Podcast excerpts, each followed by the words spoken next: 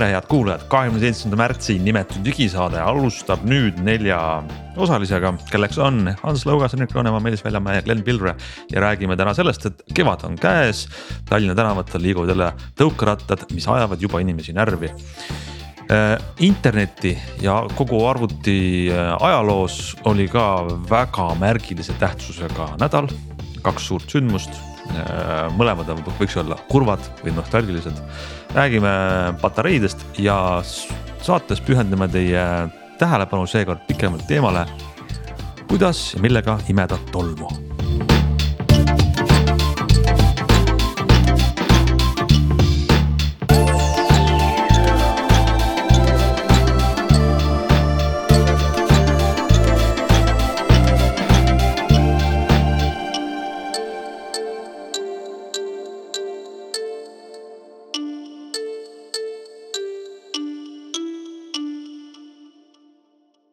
Nonii, hakkame siis pihta sellega, et kevade alguse märgiks äh, ei ole mitte lihtsalt muutused looduses ja natuke sooja ilma, nagu siin oli möödunud nädalal, vaid äh, tõukerattarentijad toovad oma äh, rattapargi tänavatele, inimesed saavad hakata sõitma, kuigi tuul Tallinna tänavatel mõnda ratast, tõukeratast juba pakkus talvel ka, kes tahtis lumeses kruiisida, siis nüüd on ikkagi Bolti rattad väljas ja kohe läks tüliks sotsiaalmeedias juba inimesed vihastasid, et ja poliitikud ja munitsipaalpoliitikud äh, vihastasid ja rääkisid, vaidlesid selle üle, et kus võib sõita, kes võib sõita ja kas me peame jälle terve aasta otsa nüüd vaidlema, ümarlaudu tegema või keelame selle asja kohe ära, et inimesed ei sõidaks äh, ebameeldival moel või ennast ja teisi ohustavalt. no Bolt ähm, andis ka ühe teate välja, milles on uudis ja uudis seisneb selles, Bolti esindaja ütleb, et oleme täiustanud oma ohutusmeetmeid näiteks mitmekesi sõitmise vastase süsteemiga. nüüd tunneb meie tõukeratas ära, kui ühe tõukeratta peal on kaks inimest. samuti piirame, lisapiirangud on siis Tartus äh, ei saa liiga kitsal kõnniteel parkida ja, ja muid äh, ideid no tegelikult see ka kahe sõitja tuvastamise ähm, lubadus äh, oli neil juba ka eelmine aasta, ju siis nüüd on seda rohkem või paremini või täiustatud mm,. aga mulle tundub, et sellest ega ei piisa, et vaigistada seda kriitikute visakoori, et äh, põhiteema on see, et inimesed ei tunne ennast ohutult kõnniteel äh, see on üks ähm, argument, tõukeratturid ei tunne ennast ohutult äh, sõiduteel sõites ja seega siis on nii-öelda nokk kinni, saba lahti. ja teine probleem on see, et inimesed sõidavad ka purjus peaga ja teevad endale viga ja võib-olla ka teistele. nii et äh, ma ei tea, mis teie arvate, kas meil nüüd läheb see suvi, see aasta samamoodi nagu eelmine, et inimesed sõidavad, jama juhtub, pidev, pidev käib sihuke äh, auru väljalaskmine sotsiaalmeedias, aga midagi ei muutu äh, ma võib-olla alustaksin hoopis sellega, et mida võiks ka Bolt kindlasti teha, ütleme tõukerattad on, nendest võib kohe ka edasi rääkida, et lihtsalt alustan personaalsest kokkupuutest Boltiga, mis oli minul kaks aastat tagasi, kui ma kirjutasin nende klienditeenindusse kolm korda, mis sinnamaani vastust ei ole ehk et. ootad veel vastust jah? ootan veel vastust jah, ehk et, et see on nagu üks koht, kus, kus, kui, kui nagu rääkida toredatest ja sõbralikest firmadest, siis see on noh, see, et kahekesi saab sõita, on äge, aga tegelikult võiks vastata inimestele ja ma, ma ei ole seda juttu kuulnud, et see ei ole minu personaalne probleem, et tegelikult ilmselt Bolt võiks palgata sinna tööle mingi chat GPT või midagi teist, kedagi teist, kes tõesti eh, suhtleks sest et äh, väga keeruline on asju ajada, kui põhimõtteliselt noh, mitte, mitte mingit äh, sidet tegelikult ei saa nendega, et. et see natuke tegelikult kogu seda kuvandit, võib-olla see haagib selle teemaga ka sellest, sellest küljest, et. et miks nagu suhtutakse natukene halvasti ja negatiivselt äh, kogu sellesse Bolti asjaajamisse, ta on küll Eesti firma, ta on justkui, peaks olema justkui sihuke meie, aga aga, aga ta tundub kuidagi noh, tal ei ole nagu hea kuvand, ütleme nii, et kõik, mis on seotud Boltiga, kõik on üldiselt mingi jama on alati, et sihuke, sihukene nagu mulje jääb ja see klienditeenindus on üks, üks osa sellest jamast, sest et noh, Bolti autod veerevad üle katuse ja teevad lollusi ja tõukerattad vedelevad tänavatel ja. ja kullerid töllerdavad mingite kastidega ringi ja, ja kõik see kuidagi noh, see ei ole nagu tore et vot selline, selline emotsioon kohe alguseks minu poolt. ja mina olen sellega nõus, et tegelikult noh, Bolti kõige suurem probleem ongi ju see, et neil nende klienditeeninduse põhimõtteliselt puudumine, eks ole, et ka mina olen selle probleemi osas olnud ja neil ei ole see ainult see tõuksidega seotud, vaid samamoodi, eks nende autodega seotud ja. isegi selle kojuveoga, kui mingi probleem on, sa oled tegelikult ju üksi, eks, et. et kui joppab, siis chat'is keegi vastab, kes sul tegelikult midagi ei ütle mõistlikku ja, ja kui ei joppa, siis ei vasta, et. tuul, ma olen nõus, et tuulel on, noh, ta on väiksem firma selles mõttes, et ta on ainult tõuksid, ta midagi muud ei tee, eks ole, aga. üllatus-üllatus, tuulil on olemas telefoninumber, mille helistada saab päriselt võtab inimene vastu ka, olen proovinud, töötab. Ehk siis äh, Bolt võiks ka lõpuks ometi leiutada omale mingisuguse telefoninumbri, millele saaks nagu helistada ja kurta, eriti mõtle, kui sa oled selle rendiautoga mingis jamas kinni, eks ole. absoluutselt, muide. see ei ole nagu lõbu. siin kohe meenub mulle paralleel äh, ka mingist aastakäigust tagasi, mis ei olnud väga ammu, kui laenutasin Berliinis omale elektrirollerit, siis noh, sellist, millega ikkagi võib sõita sõiduteel ja, ja sõitsingi sõiduteel ja kõik oli väga hästi ja, ja noh, juhtuski täpselt see, mis tavaliselt võib juhtuda, et äh, mitte midagi hullu ei juhtunud. nimelt ei õnnestunud mul seda laenutussessiooni lõpetada, ehk ma parkisin, see oli vist IFA-l kuskile sinna messikeskuse kõrvale ja, ja see ei lõppenud ära ja noh, seal oli olemas telefon ja telefonile helistades äh, võttiski vastu saksakeelne naishääl, kes läks ingliskeelseks ja ja lahendas tegelikult minu probleemi ära minutitega, et ma ei taha üldse teada, kui ma oleks seal Bolti ratast võtnud, siis ilmselt kestaks see laenutussessioon nagu tänaseni suure tõenäosusega. mul on täpselt sama kogemus Soomest äh, Helsingis rattalaenutusega, jälle mingi jama, helistad, kõik saab korda, aga huvitav, see on, ma arvan, et see, mis te räägite, on väga esinduslik näide, et väga paljud, äh, selline sentiment on levinud ja see on Boltile kindlasti väga tõsine probleem tegelikult, et sa võid teha võib-olla head toodet ja head missiooni, aga. mingi jama hoiab sind tagasi ja veab sind äh, äh, alla. huvitav, kui nad palkaks või paneks väga palju raha nüüd lobistamisse saaks ja, ja klienditeenindusse ja teeksite, teeks kõiksugu siukseid pehmeid manöövreid. kas me siis lepiksime sellega, et tõukerattad sõidavad kõnniteedel või? minul näiteks ei ole sellega suurt probleemi, et tegelikult ju tõuks ei ole see, kes segab, vaid see, tolgus, kes selle peale sõita ei oska, see on nagu see, kes, kes, kes segab, eks ole, et tegelikult ikkagi. mina arvan, et noh, vaata, kui me vaatame seda ka, et kes tegelikult avariidesse satuvad nii nende Bolti rendikatega kui, kui tõuksidega, siis need inimesed enamasti juua täis, eks ole, nii et kuigi noh, mina olen ka kaine peaga tuuletõuksiga kukkunud. et, et selles mõttes äh, tegelikult on ikkagi ju see, et äh, et äh, peaks vaatama seda, kuidas inimesed käituvad ja selle asemel, et midagi ära keelata, ma ei tea, looks mingid reeglid ja hakkaks neid jälgima, et mupo passib niisama, pange mupo trahvi tegema, et noh, päriselt nagu nii lihtne see ongi. kui see, distsiplineerib püüda hoida eemal neid äh, siukseid äh, probleemseid sõitjaid, näiteks Ameerikas pakub Tesla oma autodele ka Tesla kindlustust, liikluskindlustust. ja, ja seal on äpis väga selgesti näha siis read, mille järgi see hind kujuneb dünaamiliselt ja üks inimene kurtis, et tuli üks öösel lennult tagasi ja sõitis öösel lennujaamast koju. ja siis järgmine päev vaatas, järgmise kuu kindlustus oli tõusnud mingi kümme dollarit, siis oli night driving oli üks nagu riskifaktor tõusis, on ju, väga vihased olid inimesed, aga noh, samas läbi, väga läbipaistev no, tegelikult... dünaamiline hinnastamine renditõuksil. kui sa oled ja. seal Viru väravate juures öösel kell, reede õhtul kell üks, võiks olla hind kolmekordne näiteks mm. -hmm. ega see, see ei oleks üldse võib-olla paha mõte ja teistpidi, kui me vaatame siin ju ka praegu kuhu meie kuidagi rõhuasetus selles teemas hakkab kalduma just jälle selle Bolti imidži peale, et. et okei okay,, me võime üldistada, et tõuksid tõuksideks, aga me nagu ei, me ei sildista praegu sugugi niimoodi tuuletõukse ega siin neid teisi, eks ole, et okei okay,, me võime öelda, et tõuksid on, on pahad. miks, tuule, miks tuule peal inimesed need purjus peaga ei sõida ja kolmekesi seal neid tiritamme ei tee? et miks keegi ei ole nagu tige ja ei, ei ütle, et tuuletõuksid on jalus. Pole nii palju meedias. Bolt on kõige suurem, saab kõige rohkem peksa. aga, aga iseenesest ma saan aru, et selle üks sellise uudise siis selline tehniline pool oli nüüd see, et see kahekesi sõitmine kuidagi muutub siis kas lausa võimatuks või, või sain valesti aru, et see oli juba eelmise aasta keskel ja kui see käis kusagilt läbi, et Bolt hakkab teavitama siis kasutajaid sõnumitega. küll see on küll kummaline, need sõnumid tulevad siis kahe aasta pärast või, või ei tule kunagi. et kas seal sõideti kahe, kahekesi või mitte, on ju, aga, aga sellise lubaduse nad vähemalt ütlesid, aga kas siis nüüd on see justkui siis läbi äpi rakendub keel, keeld või kas on, on, on see uudis niimoodi tõlgendatav, ütleme siis nii ja eks me peame seda kevadel ise proovima, aga iseenesest on ju noh, teine probleem, ma üldsegi mitte nagu firma spetsiifiliselt, vaid üldiselt tõuksidega, sest tegelikult probleem on ju selles ikkagi, et, et siin mingid äh,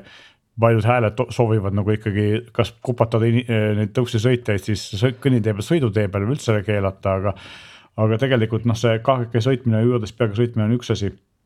teine asi on see, et minule tegelikult näiteks meeldiks, kui meil oleks rohkem neid, äh, Boltil on olemas ka need sellised klassikalised elektrijalgrattad, eks ole, kus sa peal istuda saad ja mm -hmm. need mulle täitsa meeldivad, et miks ma peaks tõuksiga, miks ma võiks jalgrattaga sõita, eks ole, elektrilisega, et mm -hmm. pange neid rohkem. et see on ka nagu üks optsioon ja teine asi muidugi on see, et, et hästi palju ka sel aastal ma saan aru, et on nüüd rohkem, eelmine aasta mõnes kohas oli juba, kus koostöös linnaga on siis äh, sellised geofence itud ära kohad, kus see tõuk sõidabki sul aeglaselt, ma ei mäleta, kümme kilomeetrit tunnis või midagi sellist, eks ole, väga aeglaselt lausa. sel juhul tekib nagu küsimus, et ähm, kas sellel on mõte eeldusel, et ma saan jala sama kiiresti kui tõuksiga sõites et nagu ah,. see on jälle sihuke pehme nügimine, et sa ei lähekski sinna rahvamassidesse. ei no jah, muidugi, et ega, ega siin ka ei saa jätta mainimata, et, et see probleem ilmselt jääb Eestisse ja Tallinnasse eelkõige ikka ilmselt väga pikalt see sõitmise koht, et kuniks meil on rattarajaks siin ikkagi sellised punased triibud, mis igal kevadel jälle mustaks muutuvad, siis noh, meil ei olegi nagu sellist meil ei ole nagu head kohta, eks ole, et, et jällegi Berliini näitel oli ju, ongi niipidi, et kui sa lähed lõpuks, sinna. ma ei tahtnud ise juttu sinna juhtida, Glen, sa jõudsid asja tuumani, lõpuks see on see taristusküsimus. kui sa nagu lähed jah näiteks Berliinis, eks ole, oma tõuksiga kõnniteele, siis pigem ikkagi varem kui hiljem saad sa tegelikult kohe hoiatuse, et palun kobisid sellega minema, et tegelikult seal ei, seal ei tohigi sõita kõnniteel nende tõuksidega, seal on koht, kus sa saad sõita tõuksidega, sest seal on rattatee. aga võib-olla teeme siukse cliffhanger'i või siukse, et me niikuinii räägime kogu kevade veel sellest teemast. Ja no,, ja nüüd avapauk on antud, et lähme võib-olla järgmise uudise juurde hoopis, et me tuleme tõukside juurde tagasi. ja hoopis teine teema, aga no märgiline nagu, et ähm, kuidas siis öelda seda lühidalt sisse juhatada, DP review pannakse kinni mis see lause pole, ei ütle mõnele inimesele mitte midagi. see lause on, ütleb ainult vanadele internetikasutajatele. vanadele peerudele ütleme nii. sait loodi tuhat üheksasada üheksakümmend kaheksa. nii et. nii see on jah. me paneme siin no,, ma arvan, et kui sa oled sündinud, noh, mis me ütleme, kaheksakümnendate keskel. siis sa olid, ütleme saidi loomise ajal selline kolmteist, noh no ütleme selle kohta. mis iganes põlvkond meil praegu on, Z, Y või ma ei tea, kes need noored on, nemad Nad isegi ei tea, ma arvan, mis digikaamera on, sellepärast et see kõik Just. ongi, see kõik, kogu see kupatus, kogu see teema on pärit no äh, kahekümne aasta tagusest ajast. ajast, tegelikult siin on, see näitab väga hästi võib-olla üldse sellist laia pilti meie kogu tehnika ja, ja vidinate arengule, et olidki ju ajad, kus ikkagi fotoaparaat, kui see muutus digitaalseks, oli väga-väga huvitav teema, et äh, fotoaparaatide võrdlused, nad läksid väiksemaks, nad läksid paremaks. millist pilti see tegi, täna kõik me võrdleme mobiiltelefonidelt samamoodi. ma mäletan, et see oli umbes viisteist aastat tagasi vist, kui mina alustasin oma, oma tehnikaajakirjaniku karjääri tehnika maailmas tol ajal, siis. siis ikkagi tegelikult fotoaparaat oli, oligi nagu sihuke number üks vidina teema, absoluutselt number üks, see oli igal turistil rippus kaelas ja see huvitas kõiki ja. aga, aga nüüdseks on see asi kuidagi ära vajunud ja, ja TP Review oli ikkagi see leht netis, kust sai siis absoluutselt väga sügavat ja, ja väga hea, hea, hea ajakirjanduslikku ja tehnilise taustaga infot, eks ole. et ilmselt kõik kaamerahuvilised, noh, see oli täpselt selline nagu noh, see oli üks internetisammas, see oligi nagu fotoaparaatide internet oli DP Review tegelikult ja. ja mulle tuli ka muidugi üllatusena selle tänase uudise valguses, et see üleüldse nüüd siis on sattunud vahepeal Amazoni kätte ja see vahepeal oligi aasta kaks tuhat seitse vist või oli kaks tuhat kaheksa millal siis Amazon selle saidi omandas ja siis. ja nüüd paneb kinni. nüüd paneb ta siis selle kinni, sest et äh, fotoaparaadid lühidalt öeldes noh, ei huvita enam kedagi, et sealt ei tule. see on, see on väga huvitav, sest nad, nad on üritanud ajaga kaasas käia, sest ma näiteks vaatan praegu nad on püüdnud siis oma. noh, nad on sihuke nagu entsüklopeedia kõik digifotograafia, digikaameratest ja siis on seal näiteks selline noh, ma ei taha öelda päris nagu sadul sea seljas, aga seal on sihuke rubriik näiteks parimad kaamerad Instagrami jaoks. ja arvake, mis on parim kaamera Instagrami jaoks, ei ole iPhone muidugi, see on Nikon Z5 peegelkaamera millele järgneb Fujifilm X-S10 ja nii edasi,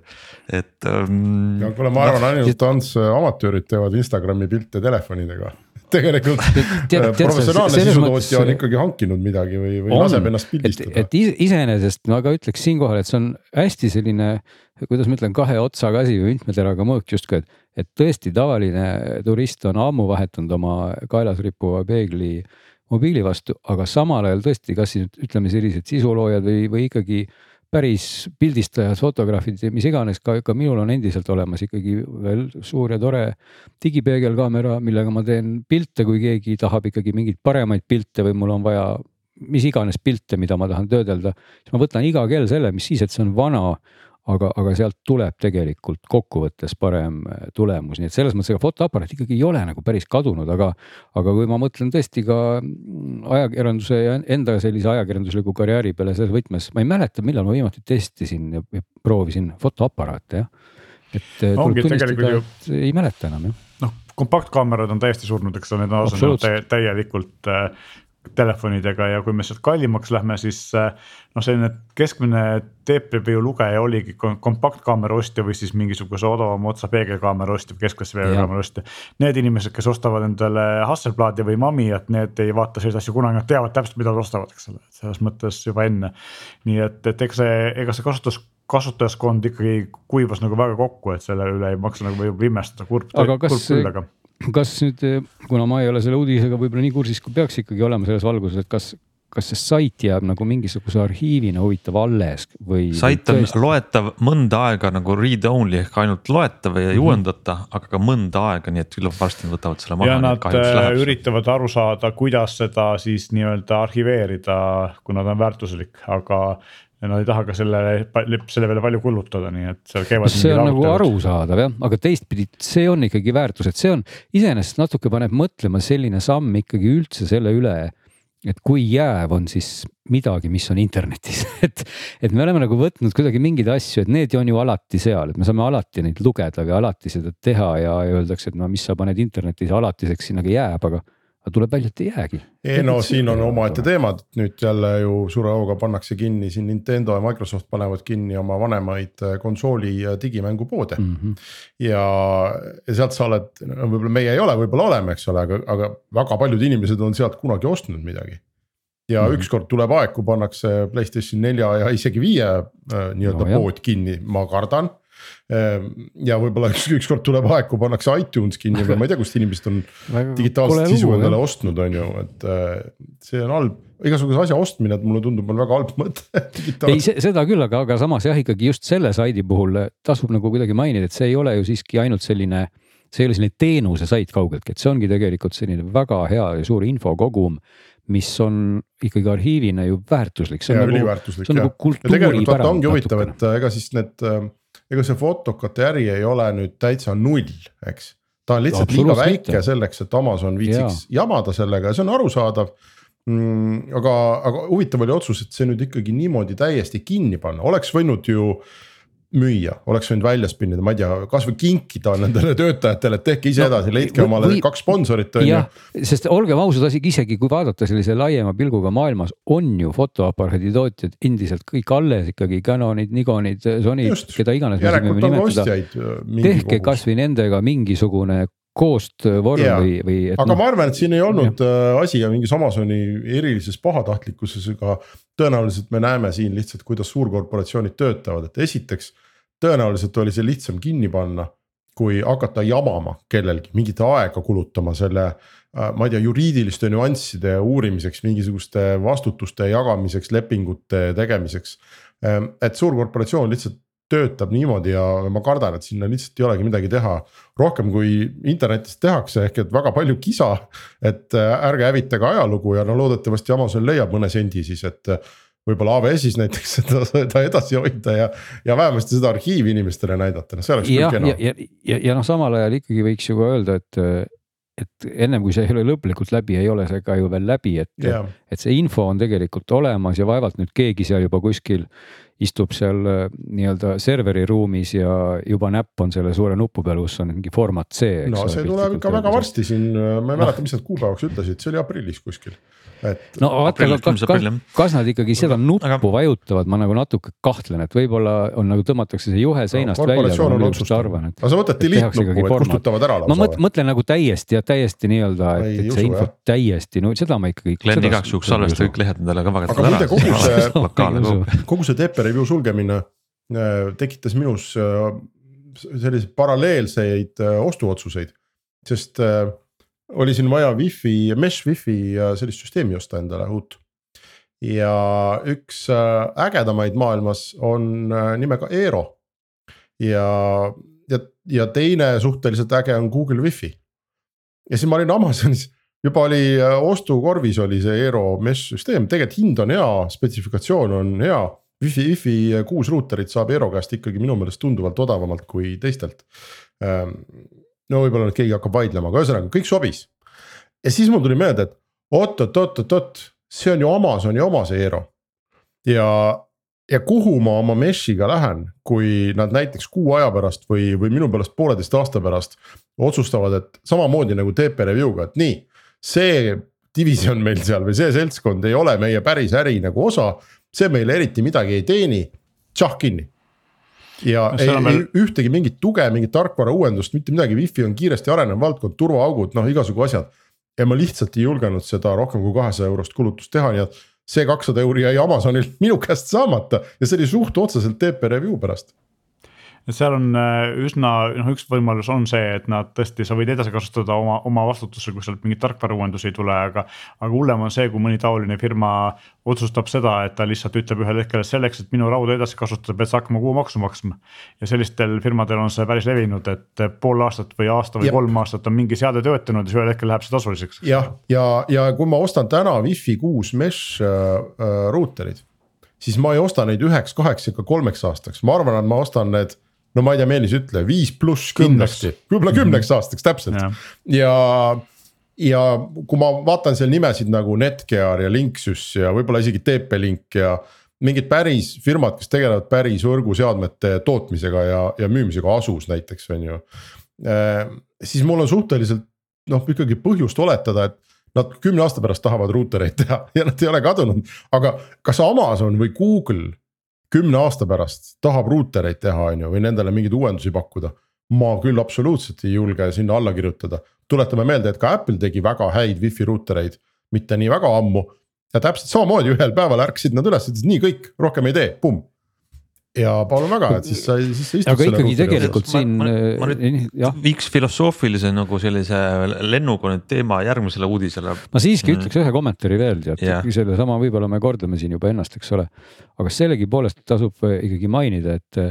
et ega inimeste huvi ju pildi tegemise vastu ei ole muutunud ja ikkagi oli, on see nagu see koht, kus tegelikult võib-olla siis piltlikult istuti nagu käed taskus või tehti nagu Nokiat nii-öelda.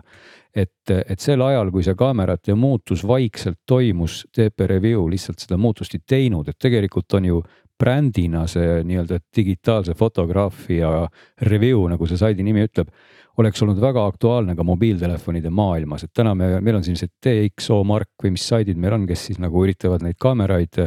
võrrelda ja teha. aga, aga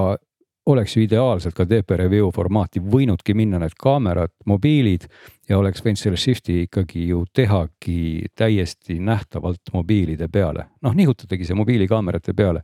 ja oleks kindlasti olnud võib-olla rohkem elulootust kogu sellele asjale, et nad lihtsalt nagu piltlikult öeldes ikkagi see tüür jäi ühte asendisse ja pandi sinnapoole tuulega nagu minema, kus ja nüüd on, nüüd ongi täpselt, ongi see koht käes, eks ole jah, äh, aga, aga see on väga õige, et nagu Eerot ostes või seda saiti vaadates ainuke asi, milles kindel olla, on muutus. ja, ja muide, see on ka see, miks ma tahtsin seda teist uudist mainida, selle möödunud nädalal suri Gordon Moore, ma ei tea, kas keegi teab, kes ta on, aga ta oli väga tähtis mees. üks Inteli asutaja, kes ähm, sõnastas oma nimelise Moore'i seaduse, mille sisu oli see, et ähm, iga aastaga või siis hiljem ütles iga kahe aastaga äh, on kaks korda rohkem äh, transistoreid samale ähm, pindalale mahub, mis on nagu tehniline jutt, aga iva on tegelikult selles, et arvutusvõimsus põhimõtteliselt äh, topelt äh, kahekordistub iga kogu aja tagant. ja see oli selline nagu tehniline äh, tähelepanek, mis on tegelikult kõige sisu, et ükski seade, mille me ostame, ei saa jääda meile igavesti töötama, ükski sait ei saa keskenduda ühele tehnoloogia jupile, arvestades, et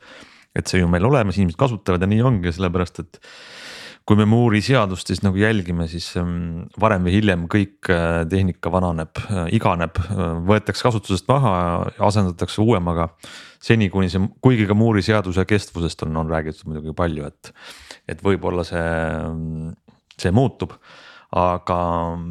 mõnes mõttes väga märgilised sündmused sellele mm, Gordon Moore'i, kes oli üheksakümne nelja aastane, tema lahkumisele samal nädalal, et DP review ka samuti ei muutunud, ei suutnud kohaneda uue ajastuga ja, ja peabki pillid kotti panema, nii et. nojah, siin muidugi ei saa nüüd süüdistada härra Gordon Moore'i selles, et ei suutnud uue ajastuga muutuda, ta lihtsalt sai vanaks suri ära, mis kahjuks. ei no ütleme, aga tema seal, ta, ta sõnastas selle põhjuse sea..., miks see peaks muutuma. aga no, seadust, seaduse peale mõeldes loomulikult jah, see oli, see oli, on väga-väga õige. ja ähm, mis meil veel rääkida on äh,. Henrik, kas sul on midagi patareidest rääkida ma mõtlesin saate lõppu jätta väikse nalja, olin siin terve nädal haige ja, ja, ja päris kõrge palavikuga ja siis loomulikult on inimesel ju, meil on ikkagi digisaade, eks ole ei ole küll õnneks mingi selline striimitav või subscription'iga äh, temperatuuri mõõtev või kraadiklaas, aga on tavaline see digitaalne kraadiklaas.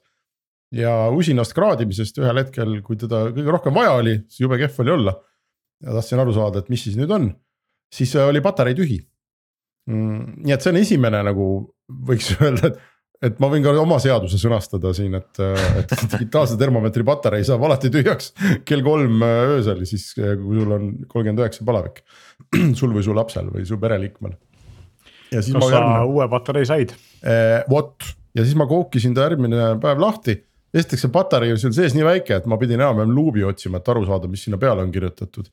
ja siis tuli välja, et seal on patarei nimega LR nelikümmend üks. Ehm,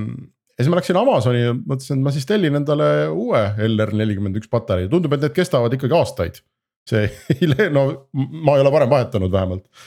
ja, ja ma sain oma üllatuseks teada, et Amazonist ei ole võimalik osta ühte LR nelikümmend üks patareid no,. vaid minimaalne kogus on kümme arvestades kümme... selle suurust, siis jah. see kümme tükki, see kümme tükki maksis kaks viiskümmend või midagi sellist. just, just. ja, ja mingid tuntud brändide omad olid umbes viis kakskümmend või midagi, aga kümme tükki on ju ja, ja siis, ja siis ma tükk aega scroll isin ja mõtlesin, no mida ma teen selle kümnega, et kas siis tõesti ühte ei saa. ja siis kuskil lõpus oli, et saab ka ühe Duracell'i oma ja see oli viis kuuskümmend vist et, ma siis tellisin endale kümme LR nelikümmend üks patareid, ühe panen äh, termomeetrisse ja ma arvan, et ülejäänud üheksaga, vot nüüd ma ei teagi, et mul on vahepeal oli tunne, et ma peaks mingi väikese erahaigla avama, et nüüd, kui mul juba need patareid niikuinii olemas on, et mida sa teed nendega või. absoluutselt, see tundub nii ogar nagu looduse mõttes ka, et ja. no üldse võib-olla olin... ogar looduse mõttes on tellida postiga, aga ma ei, mul on halb olla, mul on palavik, ma ei viitsi ka minna kuhugi linna peale kolistama, et kas mingis poes pargid, lähed jalutad jälle sinna, küsid, ei, meil ei ole sellist asja, kohutavalt tüütu.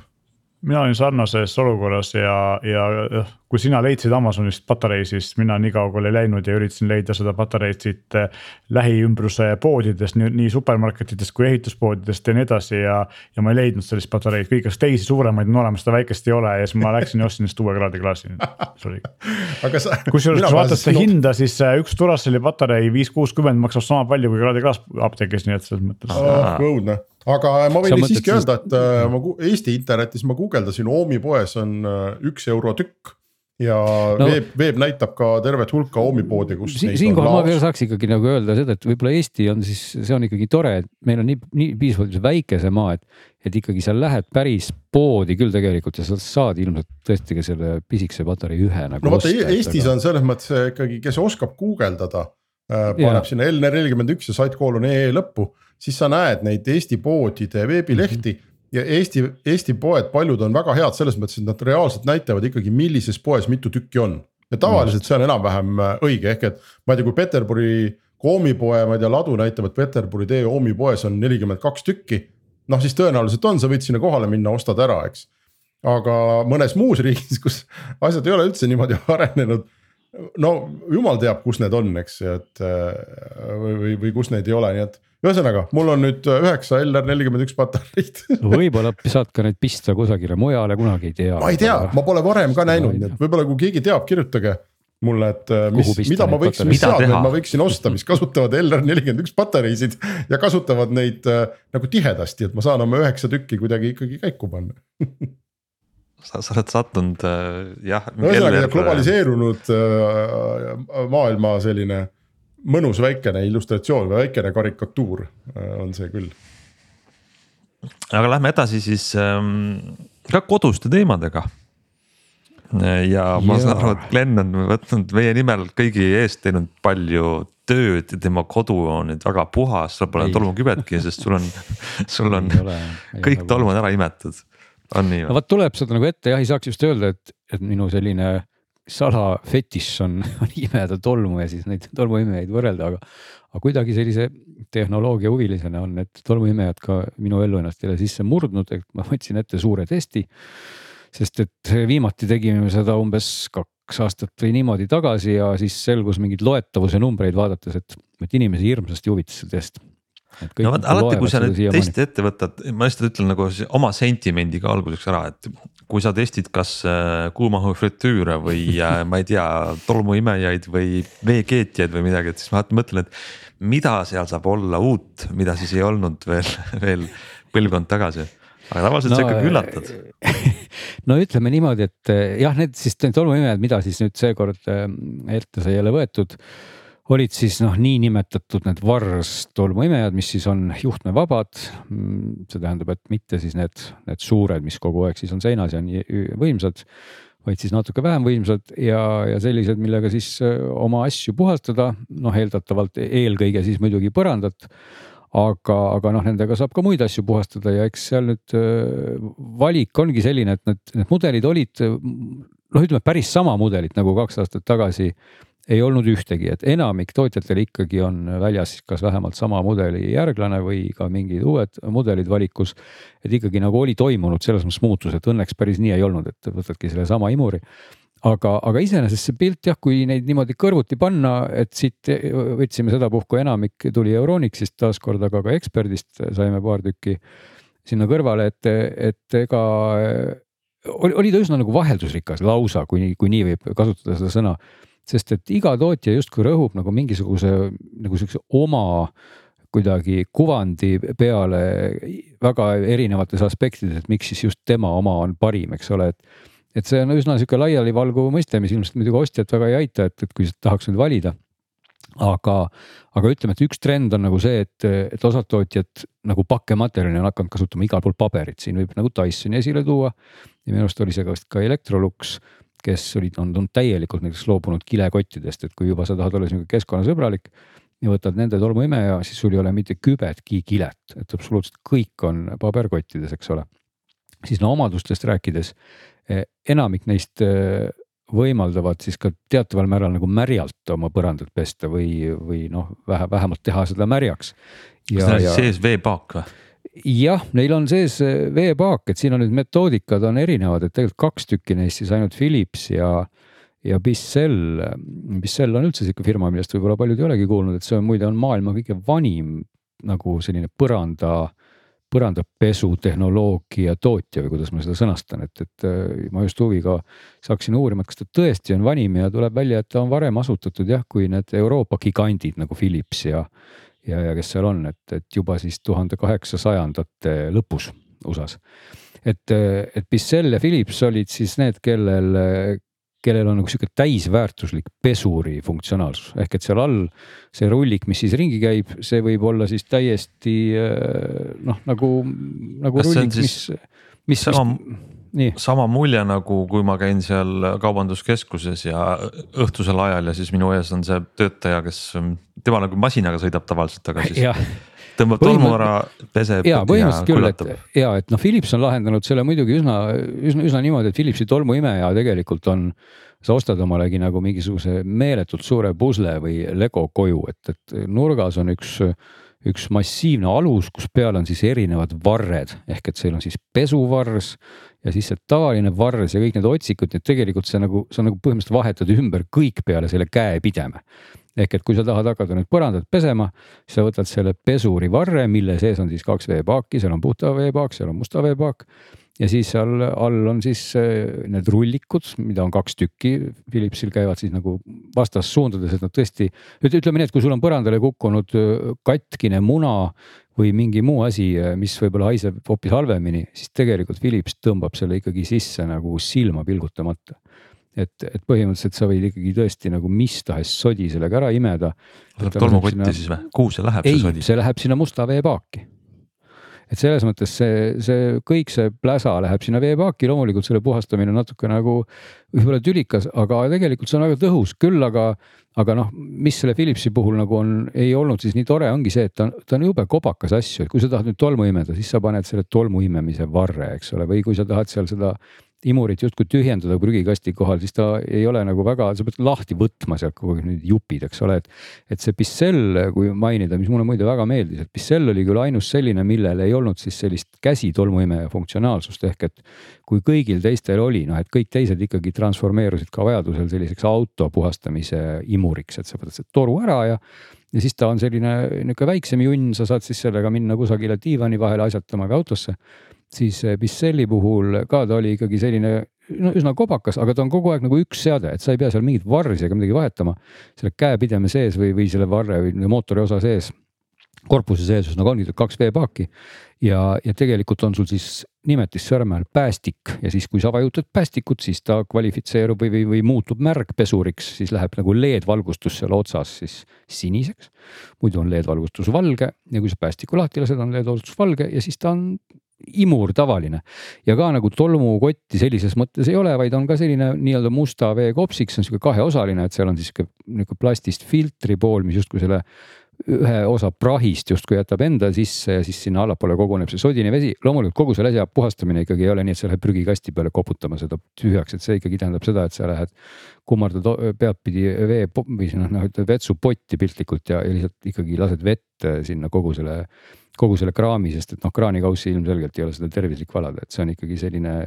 selline tolmu ja sodi segu, mis sinna tekib, eks ole, aga, aga seda pisselli oli väga mõnus nagu kasutada, sest et ta ütleme, oli üks, üks väga vähestest. Tegelikult seal oli nüüd üks, üks tolmuimeja veel, kui ma ei eksi, oli see vist Miele, mis ei olnud küll märkpesuga mis nagu kasutavuselt nad,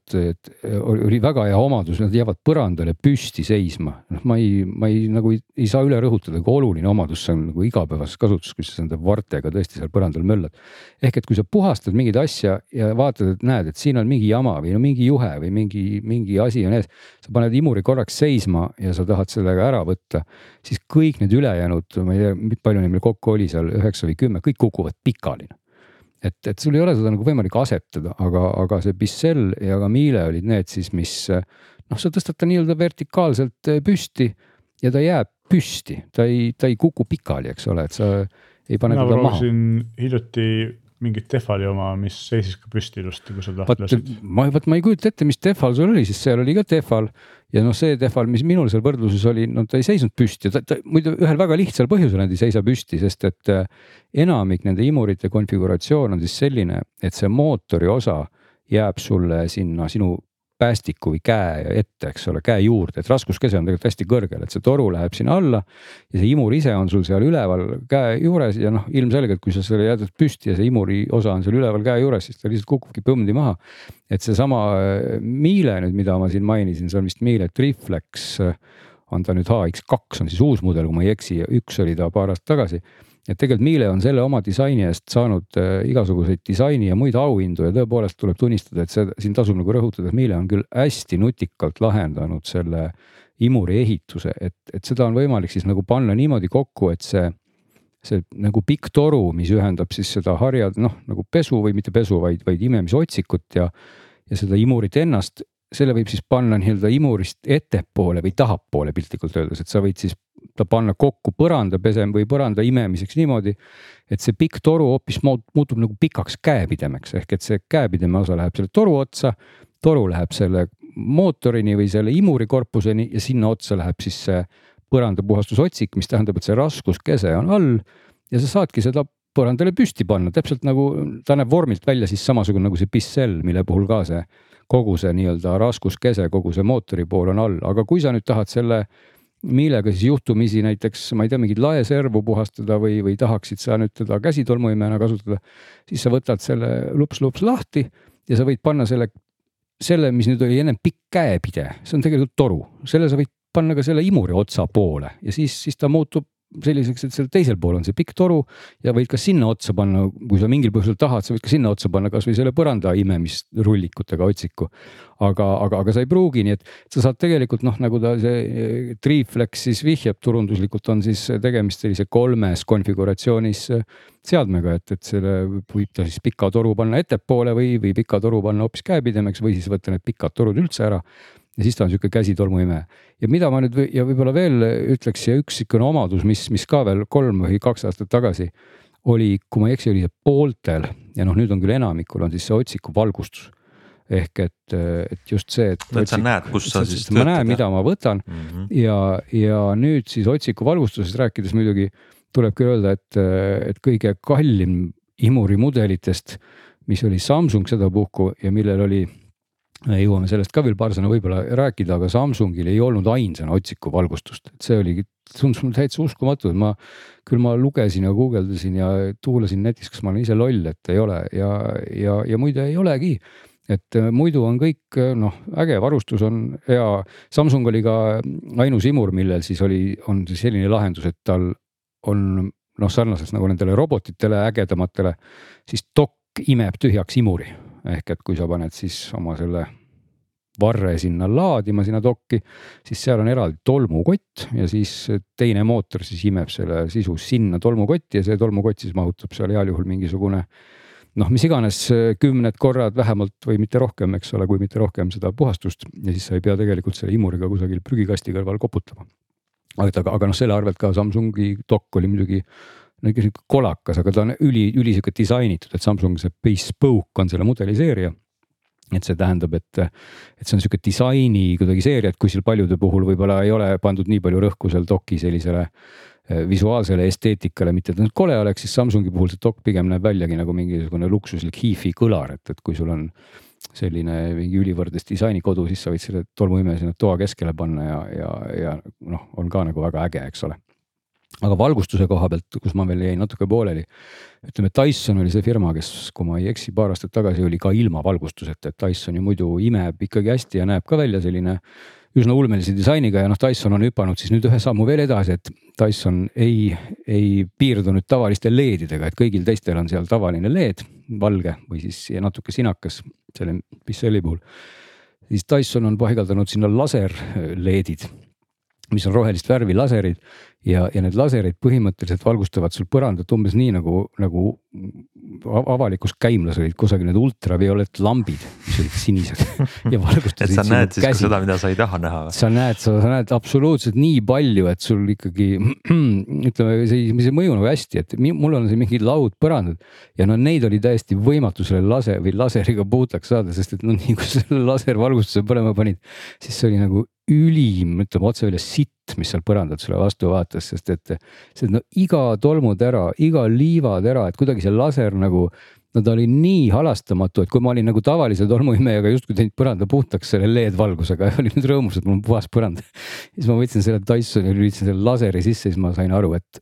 et aga, põhimõtteliselt aga, aga kas siis Dyson aitab sul seda, mida ta esile toob, aitab selle siis ära koristada ka sealt? tead, see ei, ei aita, see oleneb ikkagi sinu põrandast, et kui sul on ilmselt tõesti põrandaprofiil või sihuke hästi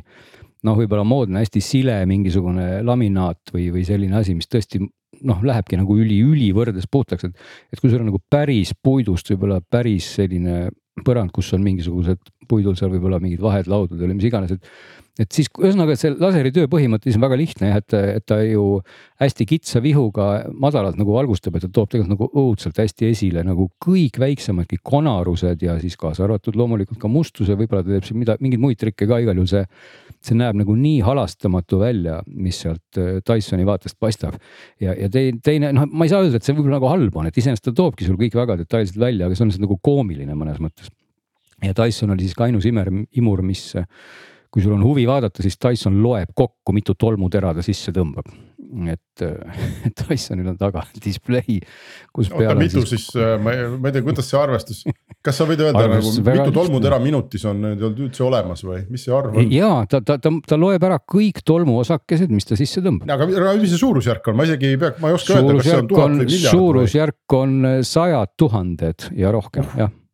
ehk et, ehk et seal on nagu kolmes klassis on see mõõtkava. et nagu need tavaliselt see PM või particle matter standard on nanomeetrite klass, eks ole, kui ma ei eksi nüüd praegu peast enam öeldes ei mäleta hästi, kas see oli siis NPM kümme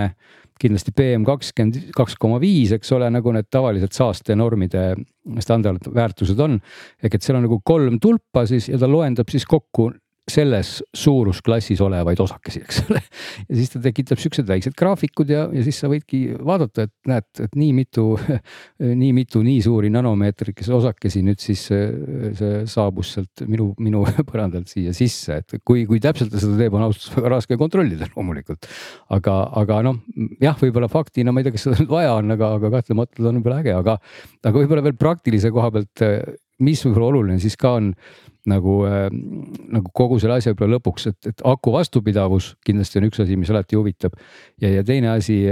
noh, et kui tõhusalt ta siis nagu imeb, eks ole, et see, see ongi nagu ausalt öeldes natukene sihukene väga ka nagu vaieldav või kahe otsaga asi, et ma mõõtsin ka õhuvoolu tugevusi, et võtsin Pro Airist, kes on alati andnud väga hea meelega neid täppis õhuvoolu mõõtjaid ja ka õhu puhtuse mõõtjaid et siis võtsin samamoodi sealt nüüd selle õhuvoolu mõõtja ikkagi tegin sellise standardlahenduse, proovisin teha, et kuidas iga imuri õhuvoolu saaks siis mõõta ikkagi et oleks võrreldav, et. et, et muidu on väga raske seda õhuvoolu mõõta, sest teadupärast ju õhuvool noh, ütleme kiirus sõltub sellest toru jämedusest, et kui sul on piltlikult öeldes meetrise läbimõõduga toru ja seal voolab õhk võib-olla ainult kaks sentimeetrit mingis ajas ja, ja siis on hästi kitsa läbimõõduga väikse diameetriga toru, et sama õhumaht sealt läbi liiguks, siis ta nagu voolab oluliselt kiiremini, nii et tegelikult nagu tolmukoguse mõttes mõjutab, mõjutab kõik mingil määral, et tolmu, tolmu imeb tegelikult õhuvoolu kiirus. aga teistpidi, kui seda õhuvoolu on jälle hästi vähe, siis pole jälle sellest kiirusest kasu, nii et, nii et eks niisuguse üldise pildina ikkagi oli neid huvitav natukene võrrelda, et, et kes siis imeb nagu õhuvoolu liikumise mõttes või sellise imemise mõttes kõige tõhusamalt, et mul alguses ka plaan, et ma ime, mõõdan seda või mitte ime, vaid mõõdan imemisjõudu siis nagu vaakumi mõttes, aga siis ma sain üsna ruttu aru, et see on täitsa lootusetu üritus, sest et enamik nendest või vähemalt pooled, nad, nad, nad imevad niivõrd kõvasti, et seal tekib selline ülerõhu äh, klapi rakendumine, eks ole, et. Et noh, kui sa nii piltlikult ära, ära blokeerid selle sisendi, siis noh, lihtsalt ta, ta ei, ta lülitab selle mootori osa lihtsalt nagu välja, eks ole, et et, et seda oli täitsa nagu mõttetu mõõta, aga, aga õhuvoolu tugevuse järgi loomulikult Dyson, kõige suurem Dyson, seal oli kaks Dysonit meil võrdluses, V15, kui ma ei eksi. ta imes tõesti tõhusalt, liigutas õhku kõige rohkem, see oli siis umbes kaks kuupmeetrit minutis, kui ma ei eksi. Ja, ja, ja siis kõige lahjemad, millest üks muidu oli Philips jäid sinna kusagile ühe kuupmeeter minutis juurde ja enamik teiste puhul olid nad seal noh, kõige võimsamas asendis siis mingi üks koma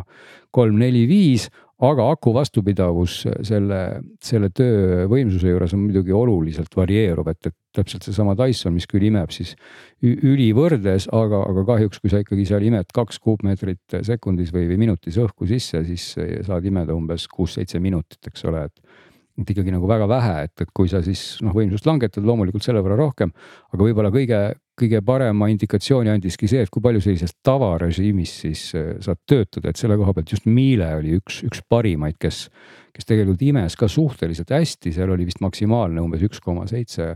kuupmeetrit äh, minutis, aga ta suutis selle kõige tugevama astme peal ka töötada umbes neliteist minutit et, et ta nagu ei imenud küll väga palju halvemini üldse kui need kõige-kõigemad nagu oli siis Tyson, eks ole, aga see-eest see tööaeg oli nagu meeletult palju pikem et, et noh, tavaline noh, Philipsi tööaeg oli väga pikk, sest Philipsil lihtsalt imemisjõud oli just väike, et Philips imes oma maksimaalsel, nagu ma ütlesin, sellel maksimaalsel võimsusel seal midagi natuke üle ühe. aga see-eest aku pidas vastu ka maksimaalsel võimsusel ligi pool tundi, eks ole, et. Et noh, et, et, et siin ongi jälle natuke see koht, et kui tootjad reklaamivad, et vau wow,, et vaat kus meil peab aku vastu, et sa saad imeda kuni pool tundi ja mis iganes või, või kuni kolm tundi. et siis alati tasub nagu vaadata seda poolt ka, et milline see võimsus siis on, et mille puhul ta siis imeb, eks ole, et. et Tehval samamoodi tegelikult, Tehval jättis ka väga positiivse mulje, Tehval reklaamibki ennast vist, et kuni kolm tundi on võimalik töötada ja on küll, sest Tehvalil on mingi üli-üli madal asend kus see võimsusaste, kus siis otsavalgustus ei põle ja noh, imur nagu vaevu töötab. aga ta töötab. ta töötab ja et see, see kolm tundi ongi realistlik. eriti küll ei ime tolmu ja lambid ei põle ja kõik, aga just, aga, aga, aga töötab, eks ole, nii et, et siin jällegi on see koht, kus noh, füüsikaseaduste vastu ei saa, eks ole, aga, aga noh, võib seda vaadata, et, et kas seal, mis see, mis see seos, kui seda testi nüüd keegi loeb, digiajakirjas peaks see millalgi olema, siis see on võib-olla nagu selline parameeter, mida vaadata, et kui palju ta siis nüüd imeb ja kui palju siis see vastu peab, see aku. ja muidugi noh, akude vahetatavus on ka jälle üks asi, et kõigil sai neid akusid ikkagi vahetada, et kui sa oled selline jõukasutaja inglise keeles öeldes ja muudkui tahad imeda tolmu, siis võib-olla tõesti sa ostad omale siis, ma ei tea, neid lisaakusid. et seal on siis ka see koht muidugi, kus sa neid akusid saad laadida, jällegi lahendused olid väga erinevad, et, et üleüldse ei olnud palju neid imureid, millel need dokid olid nagu aktiivlaadimisega ehk et, et või ma just mõtlen nagu põrandatokke, et seal väga paljudel on kaasas seinatokk, siis sa siis saad kuidagi integreerida selle toiteotsiku sinna, Philipsi puhul see üldse väga kummaliselt lahendatud, et dokk oli suur, said oma kraami panna sinna põrandale kõik seisma. aga ta ei laadinud absoluutselt, eks ole, et jällegi siin oli see vist Electrolux, Miele, Miele ja Bissell, kelle puhul mulle praegu esimesena meenub, Samsung ka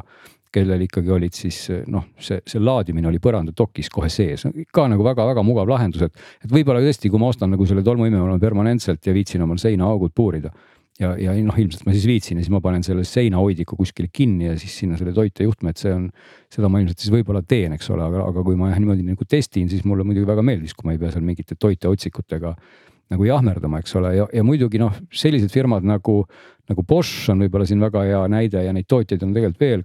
kellel on olemas selline oma kodutehnika akustandard, eks ole. et, et kui sul on, ma ei tea, Boschi trell ja, ja veel mingit Boschi kraami,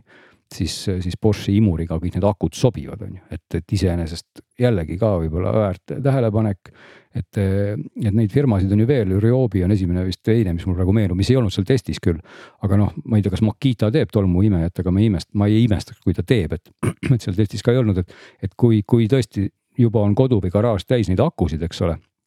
siis võib-olla on väga mõistlik jätta natukene, pilgutada mõne omaduse puhul nagu silm kinni ja, ja, ja, ja võtta siis näiteks Boschi imur võib-olla, mis, mis mõnes mõttes ei ole siis nii ilus ja äge kui mingi teine, aga see-eest,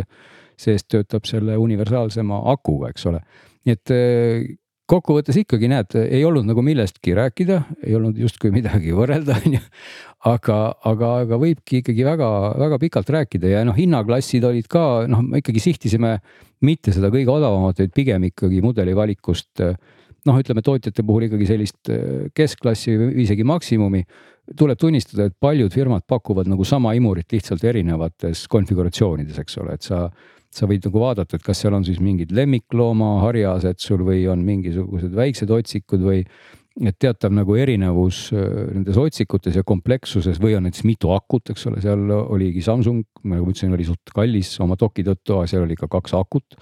ja oli, oli veel, veel imureid, millel oli kaks akut ja mis kohe muidugi kajastub hinnas, et kui sa nüüd niimoodi võtad selle paki ja, ja võrdled, lähed poodi ja vau, et see maksab mingisugune, ma ei tea, seal üheksasada eurot ja teine on viissada ja üks on kolmsada aga võib-olla selle üheksasaja eurose imuri komplektis lihtsalt ongi noh, õudselt palju kraami ja, ja sellesama üheksasaja imuri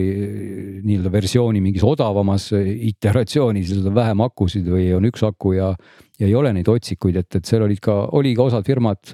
jälle ma, kas oli Miele või keegi, kellel oli saadaval ka ilma valgustusega otsikute variant, mis on ju eriti odav, eks ole, et. aga jällegi, see on see koht, kus ei tasu tegelikult nagu kokku hoida, et parem maksa natuke rohkem, sa saad sellesama imuri. ja sul on sihuke noh, nii-öelda parem varustus, aga, aga tulles veel korraks hüpata tagasi sinna pesemise juurde, siis jah, kuna paljudel see pesu on, aga ainult kaks nendest siis olidki Philips ja Bissell, mis siis ikkagi tegelikult tegid seda märkpesu nagu kahe paagiga. et ülejäänud teised, kes seal seda märkpesu võimaldasid, see oli siis Samsung ja, ja oli, oli Tehval ja oli kindlasti nüüd keegi veel, noh, ma isegi ei mäleta, kas, ikka vist oli, no ma muidugi praegu mõtlen, ma liialdasin, seda pesu nii palju küll tõesti ei olnud, et äkki oligi umbes pooltel et, et nendel on see, see paagindus on, on seal all otsikus ja lihtsalt on siis seal nagu sihuke märg klapp, mis siis laseb natukene sinna, sortsutab vett ja, ja nühib ja samal ajal nagu ei ime tegelikult või noh, ta, nagu imeb, aga, aga ta ei, ta ei, ta ei, ei, ei harja sul seda põrandat siis kuidagi sellise tõhususega. no kõike seda, su juttu kuulates mulle meenub ikkagi, et sa vist Nii. eelmine aasta võrdlesid ka ikkagi neid ähm, robottolmuimajaid, mis ju ka nüüd pesevad ja kõike teevad, et see, see kõlab nii suur töö kõik, mida ma kuulen, mida sa oled teinud, et tahaks ikkagi. jaa, see on, see on, see on nagu suur töö, et ma, ma ei ole ka aru saanud, et isegi miks võib-olla no miks peaks seda võib-olla nagu ostma, aga teistpidi, kui seda täna osta just põrandate pesuks, siis selline Bicelli lahendus mulle väga meeldis just tänu sellele, et ikkagi see pesu on tõhus, et see või noh, Philipsi puhul ka, kui sa viitsid nende otsikutega möllata. et tõepoolest tolmuimemine on üks asi, aga kui sa tahad nagu rullikutega pesta oma põrandad puhtaks, siis tegelikult see on nagu argument, aga, aga teistpidi, kui sa noh, tahad niisugust multifunktsionaalset seadet muidugi siis, siis eh, pead nagu sellest pesu poolest sellise tõhususega nagu loobuma või noh, Philipsil ta on olemas, aga siis on sul nagu õudselt palju kola lihtsalt jällegi toanurgas, eks ole. ja hind on ka päris, päris karm, et no Philips oli ka see tippversioon või ligi vist tuhat päris ei olnud, aga aga eks ta sinna tuhande alla ikka oli, et üsna nagu tõsine, et, et mul tekkis ka selle Philipsi peal natuke mõte, et ma pean olema niisugune lihtsalt no tõesti, minu hobi on ilmselt nagu koristamine et, et, et ma lihtsalt võtan ja möllan nende vartega ja, ja, ja teen, et et noh, selle Bicelli puhul ei jäänud mul seda tunnet, et ta on ikkagi nagu üks, üks aparaat, mis seda kõike teeb. aga, aga jah, kõige nagu sümpaatsema nagu tolmuimeja komplektina on kahtlemata ikkagi see miile ja just nagu konfigureeritavus ja ja kõik, kõik need pooled ja noh, nagu ma ütlesin, Dyson on muidugi ilus, need on need laservalgused. Dyson imeb hästi, aga, aga noh, Dyson on jäänud nagu natuke kuidagi sinna lõksu kinni, minu arust on juba olnud see kaks aastat tagasi ka, et. et nad näevad nagu ilusad välja, nad on disaini poolest ägedad kuidagi aga nende selline reaalne nagu ergonoomika ja kasutatavus on kuidagi, kuidagi kesine, et. et näiteks noh, Dyson on nagu selline suur, kuidas ma ütlen nagu ulmefilmist tulnud mingisugune laserpüstol, eks ole, et sa võtad ta kätte. Käepidev see päästik on selles suure nagu sellise ümmarguse mootori kogu selle korpuse all. ta näeb nagu välja äge, aga kui ma tahan nüüd sellega põrandat hakata imema, siis mul on käsi mingisuguses ebardlikus asendis kogu aeg, sest et see, see mootori osa on mul selle käe peal nagu, eks ole ja, ja ma proovisin tõepoolest mingisugune kümme minti, veerand tundi selle Dysoniga siis põrandal kolistada. ja mul oli käe lihtsalt nagu juba lõpuks nagu paha, sest see, see mootor kogu aeg jäi nagu ette. teisalt võtad siin mingi muu imuri ja, ja ta on kuidagi käes kerge. see päästik on seal üleval, ta ei näe võib-olla nii äge välja, on ju, aga, aga Dyson nagu natuke on sihukene noh, ta nagu imeb hästi, näeb äge välja ja loeb osakesi ja filtreerib hästi aga kuidagi selline disain äh, on, toob, toob nagu ohvrit äh, sellele kasutusmugavusele kuidagi või et. et noh, sest noh, legendaarselt Dyson ikkagi ju on, on hea ja, ja kahtlemata ta ka, ta ka imeb nagu hästi, eks ole, aga. et vot selline, selline pikk ülevaade nüüd sai siis ülimalt igavast kategooriast, aga leiud on. no selge no, ma saan aru, et sinu on. ülevaadet saab lugeda ka ajakirjast, kes tahab siis äh, ikkagi selle hobi endale võtta. selle päriseks omale võtta jah, koristamised, siis noh, soovitada muidugi, kui sa ikkagi hobina tahad tegeleda, siis kahtlemata Dyson, kes loeb osakesi ja neid ka laseriga näitab et, et see, see kõlab äh,